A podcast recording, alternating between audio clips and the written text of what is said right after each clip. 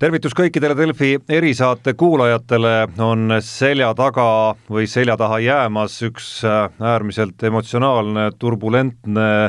ja mis iganes äh, omadussõna sinna juurde veel sobib, neid on palju, nädal eelkõige siis Eesti poliitikas ja riigi juhtimises, äh, valitsuskriis, mis justkui on jäänud selja taha aga eks see veel aja jooksul selgub. üritame seda kõike, mis äh, viimasesse nädalasse sisse jäänud, võtta kokku erisaates, äh, kus tervitan Eesti Päevalehe ja Delfi arvamustoimetuse juht Alo Rauna. tervist! ja Maalehe poliitikaajakirjanik Argo Ideoni. tervist! saatejuhi koha peal siis Delfi tegevtoimetaja Tarmo Paju ja igaks juhuks ütlen siia ette ära, et et kuigi ilmavalgust see saade näeb laupäeva hommikul, varahommikul, siis, siis hetkel on äh, reede õhtupoolik äh, ja mine sa tea, võib-olla jääb siin äh, lähitundidesse veel mingisuguseid arenguid, mis, mis, mis võivad meie juttu muuta, kuigi kuigi väga usutav see võib-olla siiski ka ei ole. aga räägime selle seisuga, mis hetkel on, räägime selle seisuga, et on möödas üle kahekümne nelja tunni sellest hetkest, kus kolme valitsuserakonna juhid äh, tulid äh, rahva ja mikrofonide ja kaamerate ette, äh, rääkisid, kui hea on valus armastus, kordasid mõningaid põhiseaduse punkte, millele nad on otsustanud truud olla ja ütlesid, et valitsuskriis on läbi. kui nüüd neid põhilisi reaktsioone kokku võtta, mis on järgnenud sellele sündmusele ja sellele kriisi lahendusele, siis noh, need, need ikkagi korduvad, võib öelda. Äh, Eesti Päevalehe tänane juhtkiri äh, Jüri Ratas ohverdas väärtused, äh, Postimehes nägime karikatuuri, kus Jüri Ratas oli pikali,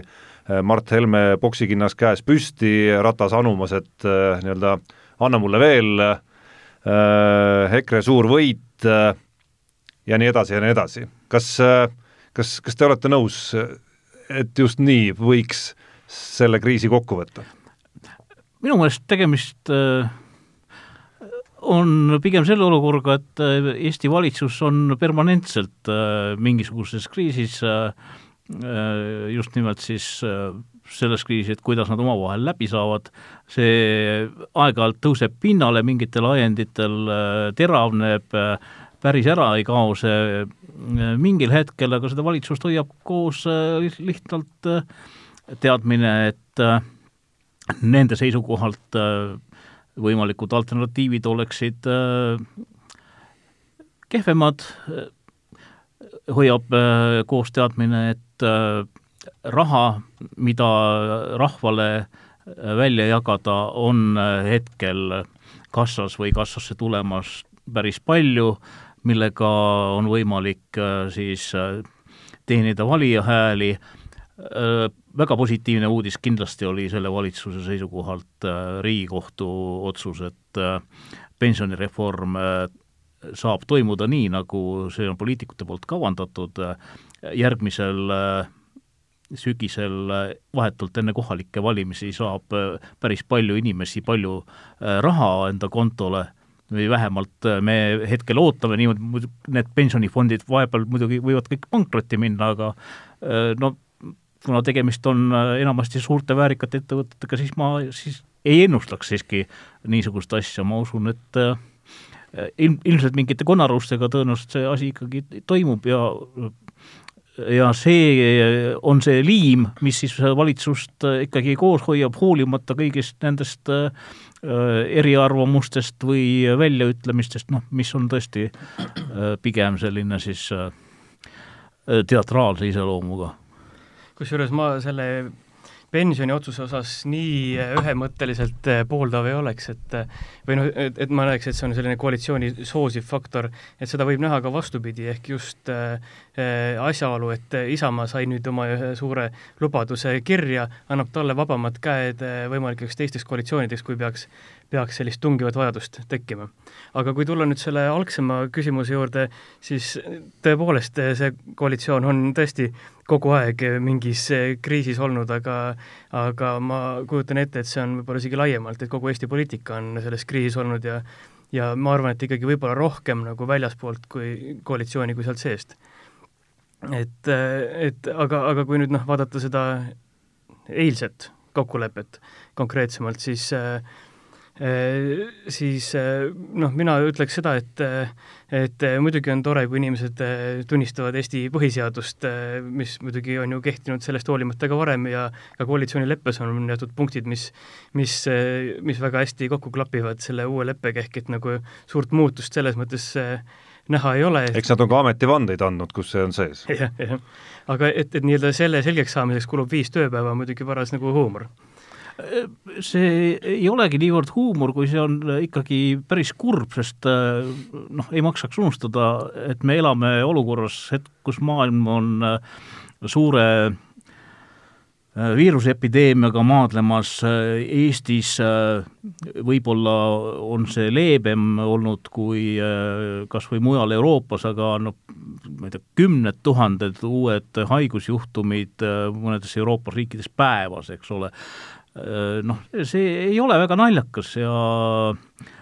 noh, kui meie valitsusel on aega tegeleda mingisuguste omavaheliste nääklustega, selle äh, olukorra keskel, äh, mitte aga sellega, et kuidas meie nüüd äh, elame siis selle koroona mõttes talve üle, kuidas me elame majanduse mõttes talve üle, sest meil on ikkagi osa sektoreid, mis on väga suures hädas, ma mõtlen siin just turismi ja transporti, no ei, äh, ma ei kujuta, ma ei kujuta ette, ma arvan, et äh, see äh, kindlasti ka tag-, tagantjärele kunagi Eesti ajalugu kirjutades ei jää selle valitsuse suhtes eriti positiivseks. Kui, kui nende selle väärtuste termini juurde tulla, siis üks väikene lõik siia vahele, ma kõigepealt mängin selle ette ja, ja siis, siis, siis, siis ütlen, mis asi see oli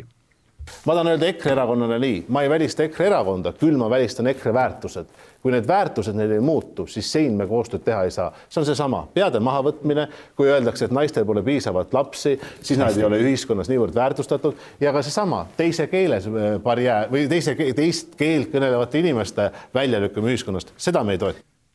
Nonii, äh, tegemist on klipiga eelmise aasta valimiste-eelsest perioodist, Riigikogu valimiste-eelsest perioodist, äh, selline tore formaat ja sari oli äh, Delfis nagu tööintervjuu ja sellel tööintervjuul siis äh, Jüri Ratas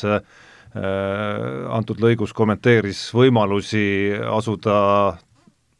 tulevasele koostööle pärast valimisi EKRE-ga. et, et, et, et kui Päevalehe reedene juhtkiri ütleb, et Jüri Ratas ohverdas väärtused,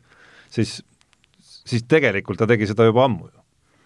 nojah, samas äh, võib ka küüniliselt sedasama äh, lauset kuulata, et see on selline Jüri Rataslikult äh, ütleme nii, välja vabandatav, ehk et no võib ka puudu, võib ka öelda, et ta puudutas seal küsimusi, mis antud juhul ei olnud üldse tähelepanu no, keskpunktis, nagu maha, venekeelsed peade inimesed. mahavõtmise vastu praegu seistakse, et Mart Helme pead maha ei võetaks, siis naiste ja laste küsimus ei ole siin fookuses ja teisest keelt kõlavad inimesed ka ei ole fookuses, aga noh, arusaadav, et see laiem küsimus on ikkagi praegusel juhul vähemused ja üleüldine ünim-, inimõigused ja suhtumine ühiskonnas, et, et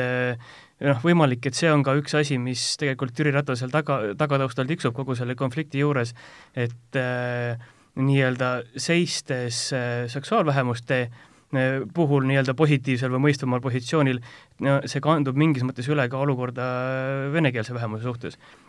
Et noh, ma arvan, et võib-olla see on nende jaoks isegi olulisem kaalukeel, kuna ikkagi Keskerakonna põhivalija on seal nojah, mulle tundubki, et siin on nagu äh, teatraalsust suhteliselt palju, sest äh, igaüks äh, teeb siis läbi või ütleme, mängib oma rolli, nii nagu ta on selle endale selgeks teinud. et ma lugesin enne saadet korraks üle aastal kaks tuhat kolmteist tehtud intervjuu Martin Helmega, mis käis selle kohta, kui ta raadios ütles, et selle kuulsa lause, et äh, kuulsa, kurikuulsa, et kui on must, siis näita ust. ja äh, tegin Postimehe jaoks terve lehekülje intervjuud temaga, et miks ta seda ütles, mida see siis äh, tähendab, mida ta sellega mõtleb ja Mart Helme ka kommenteeris, ütles, et äh, ei, rassism see küll ei ole, aga meie väga toetame seda põhimõtet, see ongi nagu meie immigratsioonipoliitika äh,, et, et noh, see on laiendatav tegelikult ka nendele, kõigile nendele tänastele juttudele ja väljaütlemistele, ega need selles mõttes ei ole muutunud, selles mõttes äh, isa ja poeg Helmed on jäänud äh, truuks oma seisukohtadele ja noh, selles mõttes poliitikas on see ju suhteliselt haruldane nähtus, et võib tõmmata sellise no aastate äh, taha äh, joone ja öelda, et aga põhimõtteliselt nad arvasid äh, seitse aastat varem põhimõtteliselt äh, samasuunalisi asju ja no noh, nii,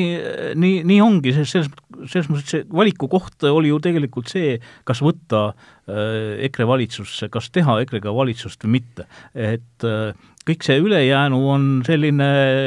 et noh, olge head poisid, hoidke palun suud kinni, sest meil on mõnevõrra ebamugav, kui te äh, neid oma seisukohti välja ütlete.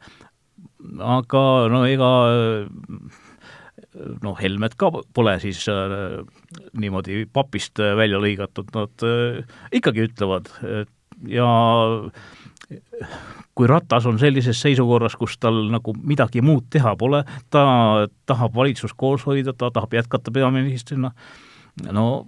siis ta peabki äh, selle välja kannatama, tal ei olegi midagi, midagi äh, muud ette võtta. ehk siis äh see viibki jutu sinna, kuhu tahtsin tüürida, et et see ei ole ju väärtuste küsimus niivõrd, et selles nii-öelda väärtuste küsimuses lepiti kokku juba siis, kui valitsusse mindi, lepiti sellega, et et me nende, nendest väärtused, erinevatest väärtusest hoolimata tulevad valitsusse. jaa, just, et, et, et sellest hoolimata me nii-öelda läheme koostööle. edasine on juba see, et kuidas siis nagu omavahel hakkama saada ja kui nüüd vaadata seda lõpptulemust ka antud juhul, jättes selle Äh, referendumi küsimuse välja, siis äh, ega Mart Helme ei pidanud ju kuskilt moka otsast isegi ütlema, et ta geide suunas äh, nende Rootsi mineku või oleku või äh, oma ebasõbraliku suhtumise osas peaks midagi nagu ütlema veel. küll aga kuulsime, et Martin Helme ütles, et võib-olla ma tõesti äh, läksin liiale, et ma nii-öelda Jüri Ratase mitteusaldamisest rääkisin, ehk siis nagu see, see nii-öelda nii-öelda probleem, tõsine probleem tekkis hoopis esmaspäeval, kui Martin Helme andis kell kümme hommikul selle väga terava intervjuu, kus ta ütles, et võib-olla hoopis meie ei usalda peaministrit just, et minu arust ka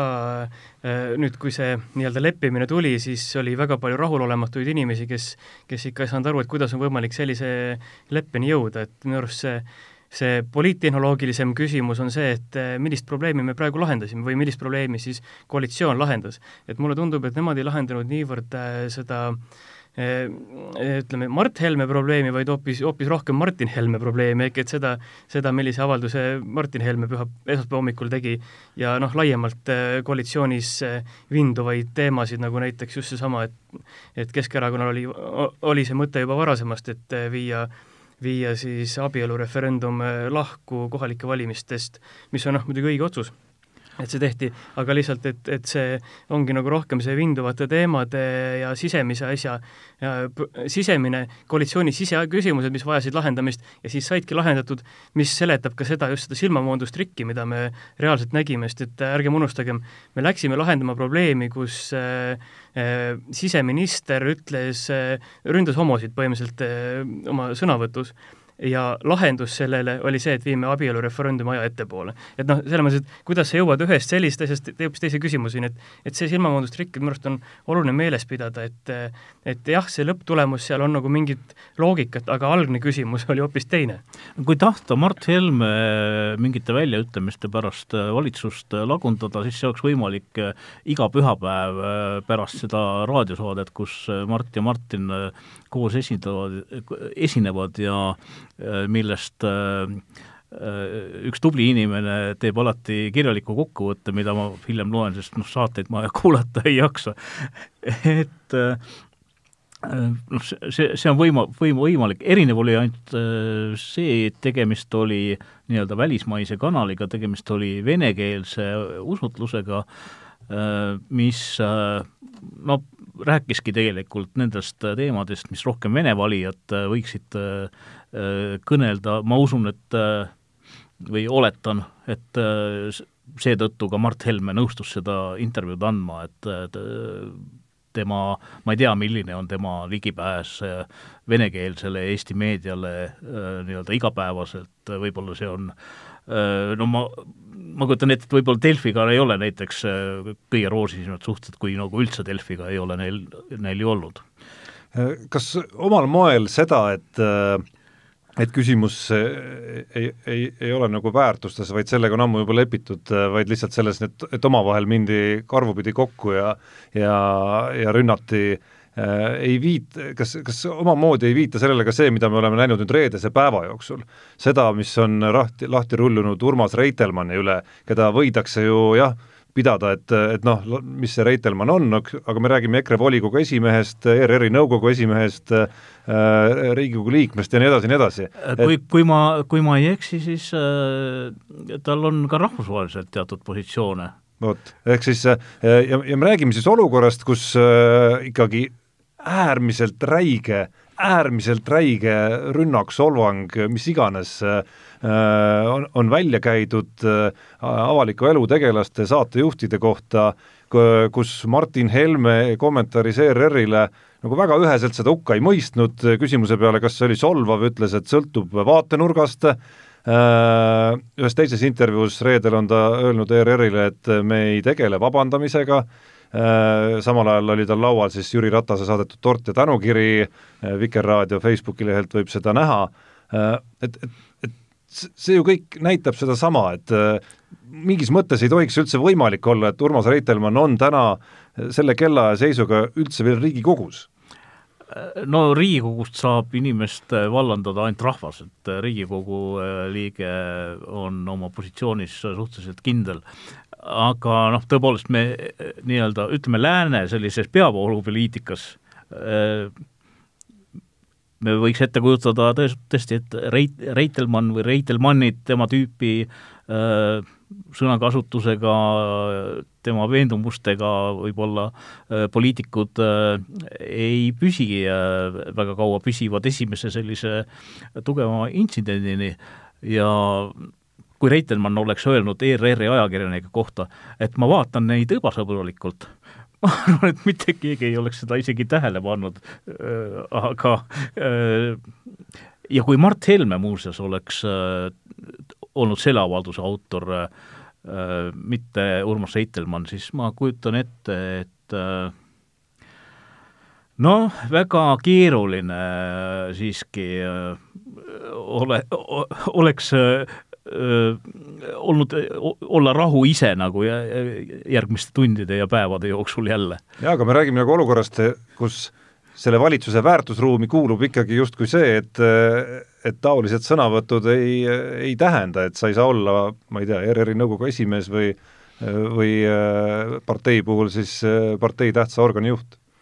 no mina ütleks, et nüüd see Reitelmanni kaasus on mingis mõttes ideaalne olukord praktikas läbi mängida see, mis siis väidetavalt äh, päev varem kokku lepiti. ehk et äh, ikkagi see dokument, kus rõhutati üle põhiseaduse alustõdesid ja nii edasi, oli, oli see, kus siis EKRE lubas retoorikast tagasi tõmmata.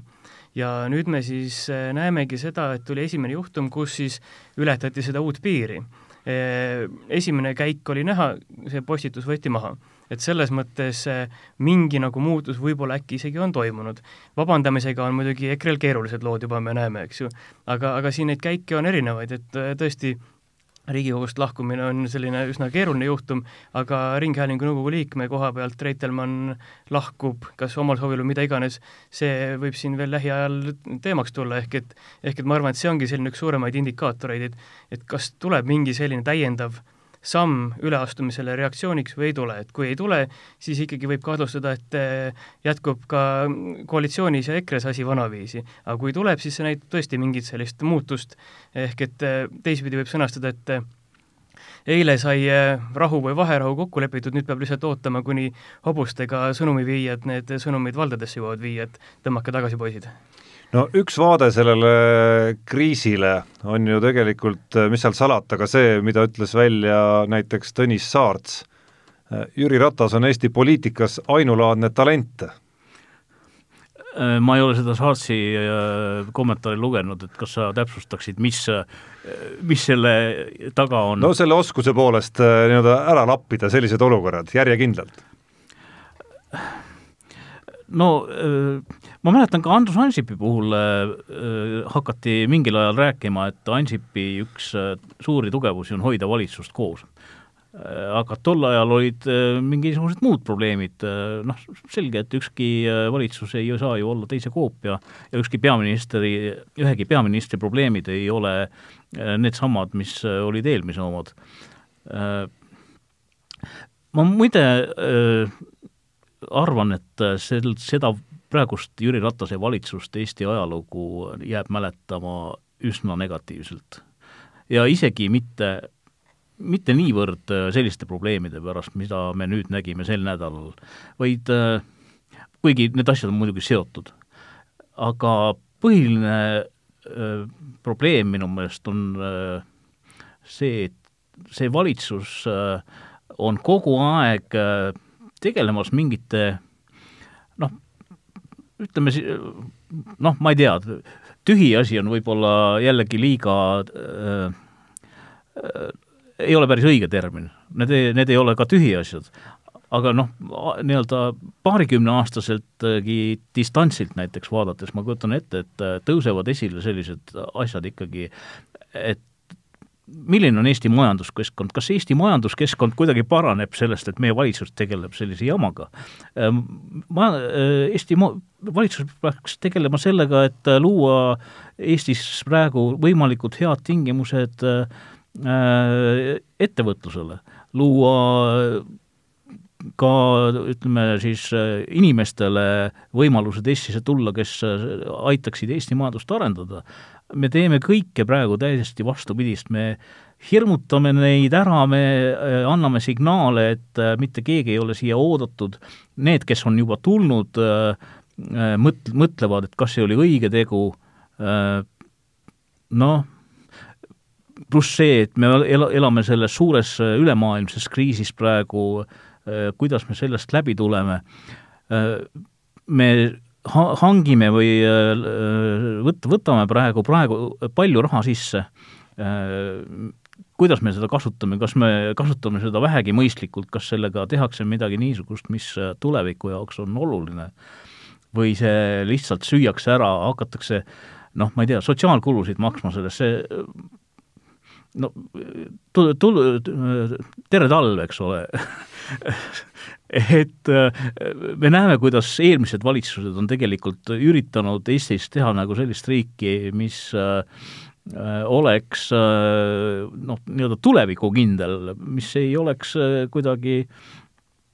kuidagi ebasõbralik, millel oleks maailmas hea maine. ma kardan, et seda mängitakse kohutava kiirusega maha, et äh, selles mõttes äh, ma arvan, et Toomas Hendrik Ilves oma viimastes väljaütlemistes on olnud suhteliselt täpne. et äh, pilk, pilk lihtsalt kaugemalt, et mismoodi see kõik välja näeb,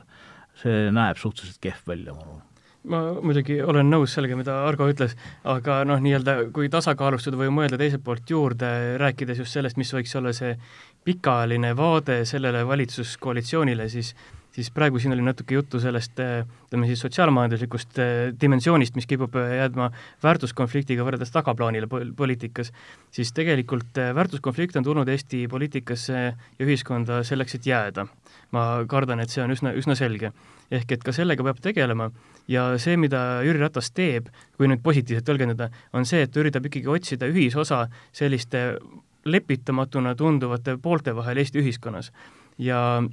ja seda ongi alati väga raske teha, see ongi see olukord, kus sa ise saad kõige rohkem peksa. ühelt poolt ja teiselt poolt. aga tegelikult see on väga oluline asi, mida tuleb ka teha. või me, me võime sõnastada ka seda nii, et et kui me näeme, et esimene Eesti oma startup-idega ja nii edasi kihutab eest ära, siis peab ka tegelikult ikkagi hoidma mingit vahemaad või distantsi ja teist Eestit järele aitama või või siis nagu teine, teineteise peale kokku tooma, nii nagu umbes räägiti ka Arnold Rüütli puhul, et ta oli selline sissevaatav president, kes aitas natuke seda, seda ühiskonda liita, et ma mingis mõttes arvan, et Jüri Ratas ongi selline uue põlve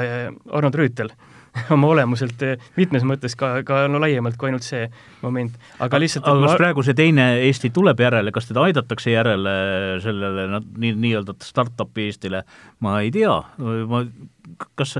võib-olla see äh, hetkeliselt, võib-olla hetkeliselt, kuna nad saavad järgmisel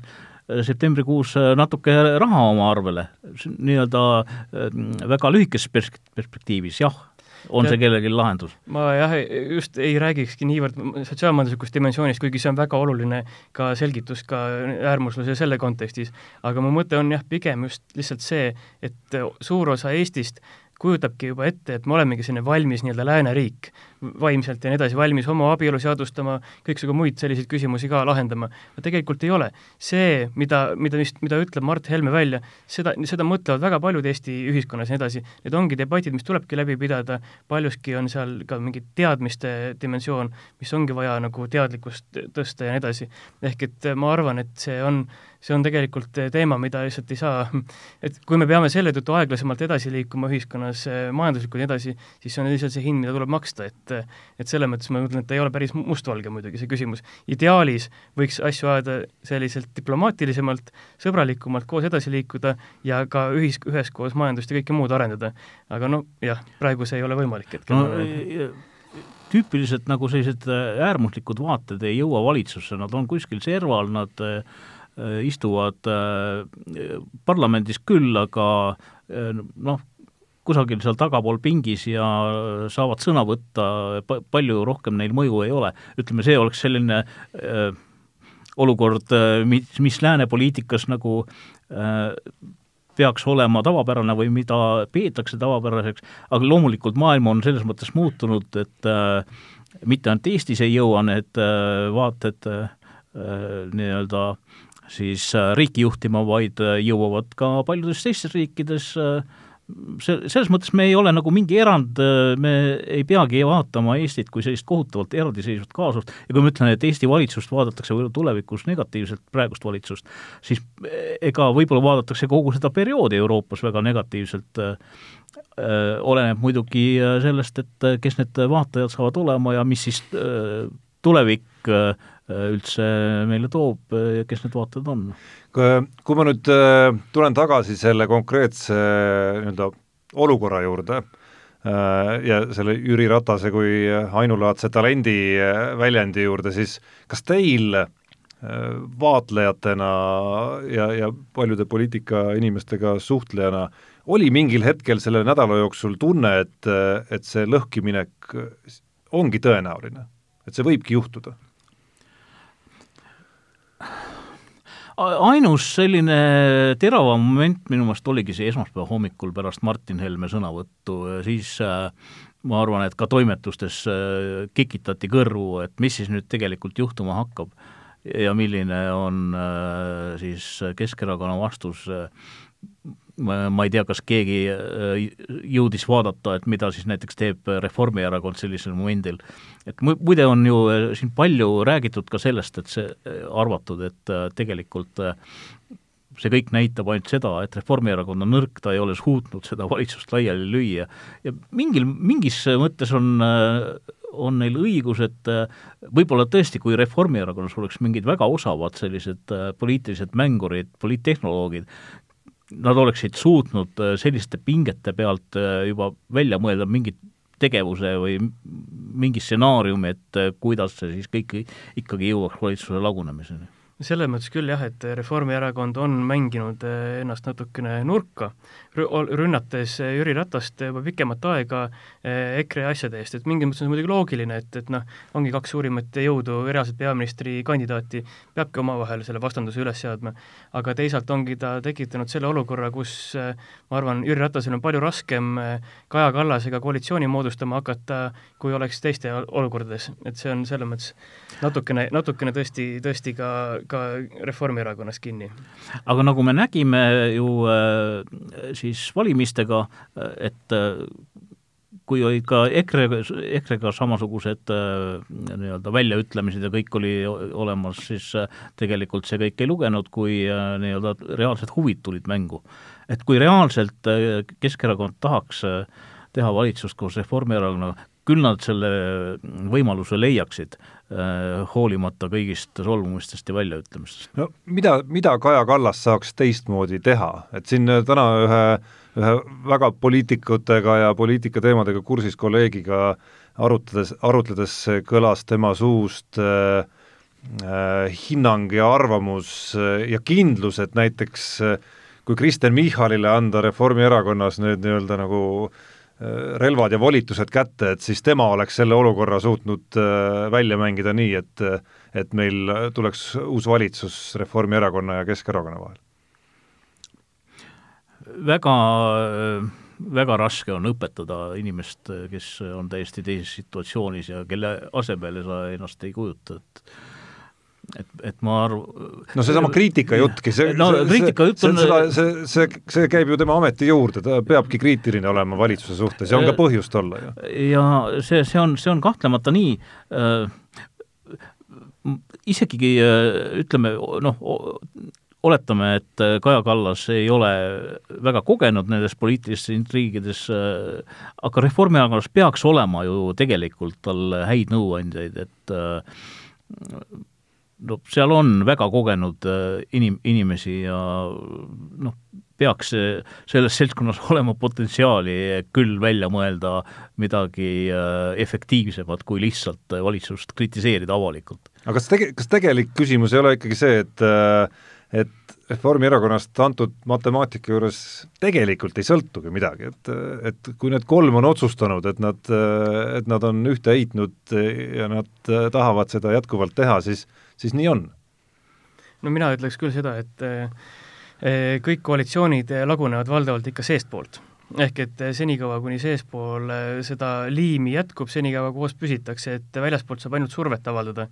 ja siin ongi nüüd see, see moment, eks ju, et milline see surve on. ja siis võib-olla siis see Kaja Kallase probleem ongi see, et ta ongi surve pannud peale eh, Jüri Ratasele, mitte EKRE-le või Helmele või Helmetele et see on nagu see strateegilise valiku koht, juhul kui ta oleks ainult EKRE suunal, suunal oma turmtuld andnud ja umbusaldanud ja nii edasi, no siin eelmine aasta oli see olukord ju, kus, kus otsustati nii-öelda EKRE asemel peaministrit umbusaldada ja siis kukuti minu arust üsna piinlikult läbi, mindi kiirustama ja nii-öelda dimensiooni ütleme siis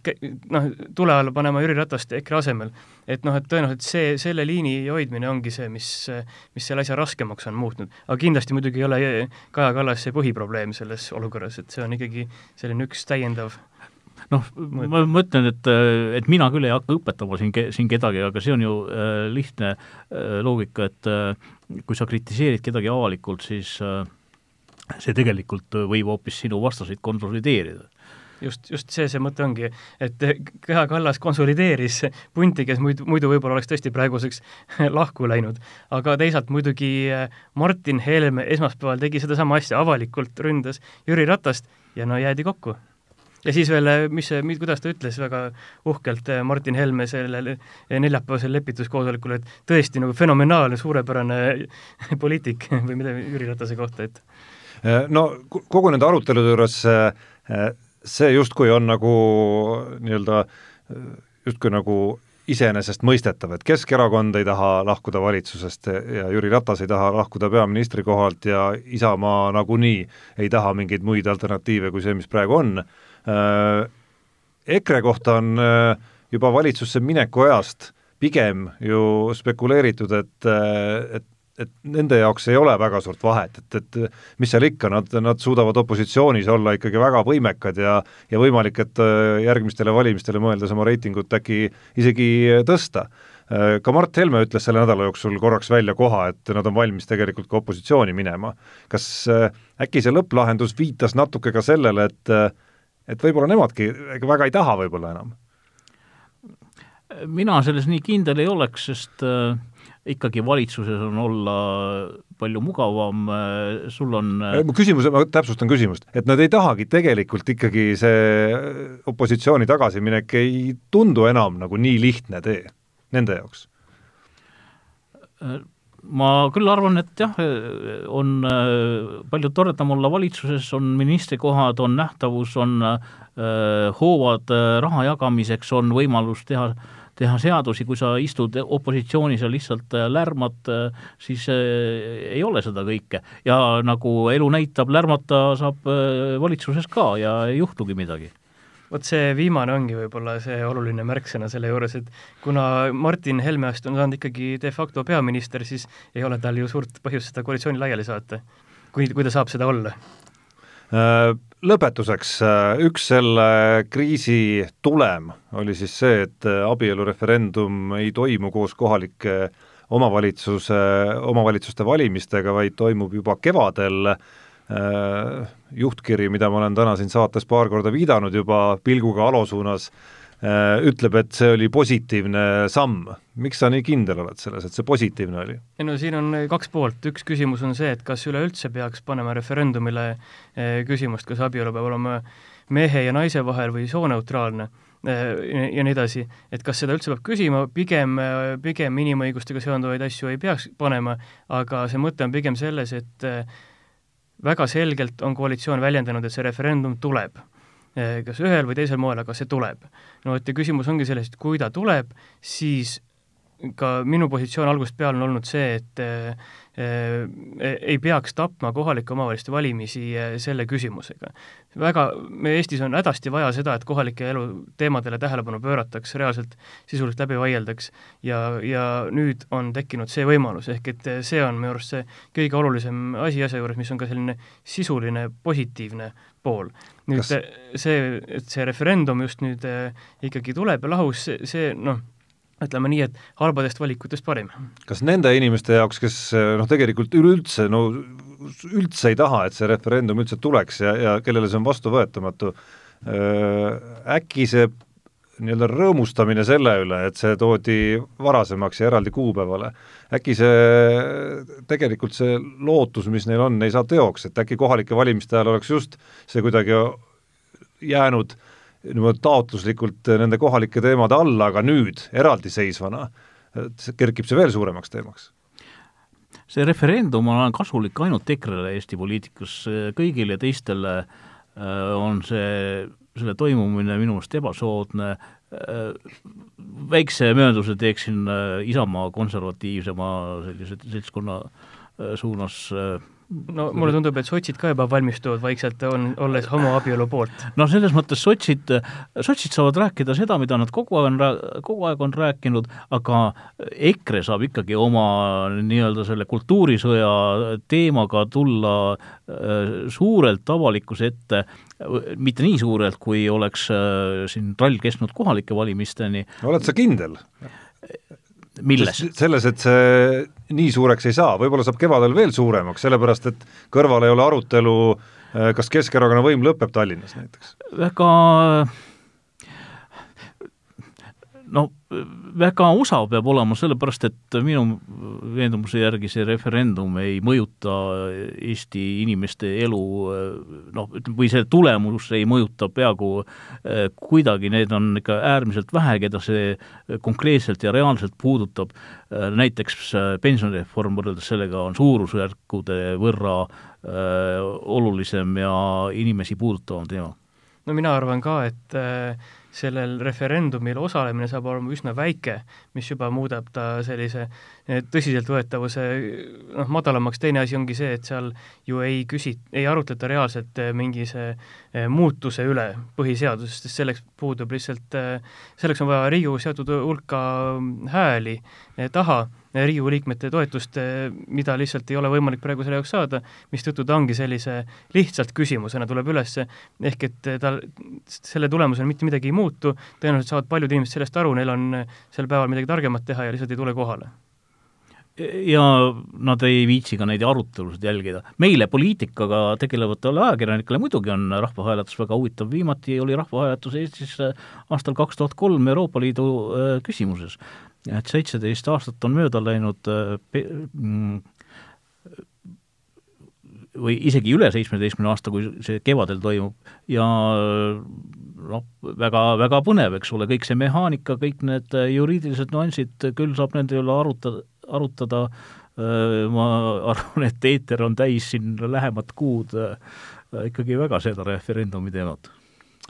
Nii, aga mina tänan äh, Alo ja Argo selle jutu ajamise eest, tänan kõiki kuulajaid loomulikult ka, järgmine erisaade eetris juba esmaspäeval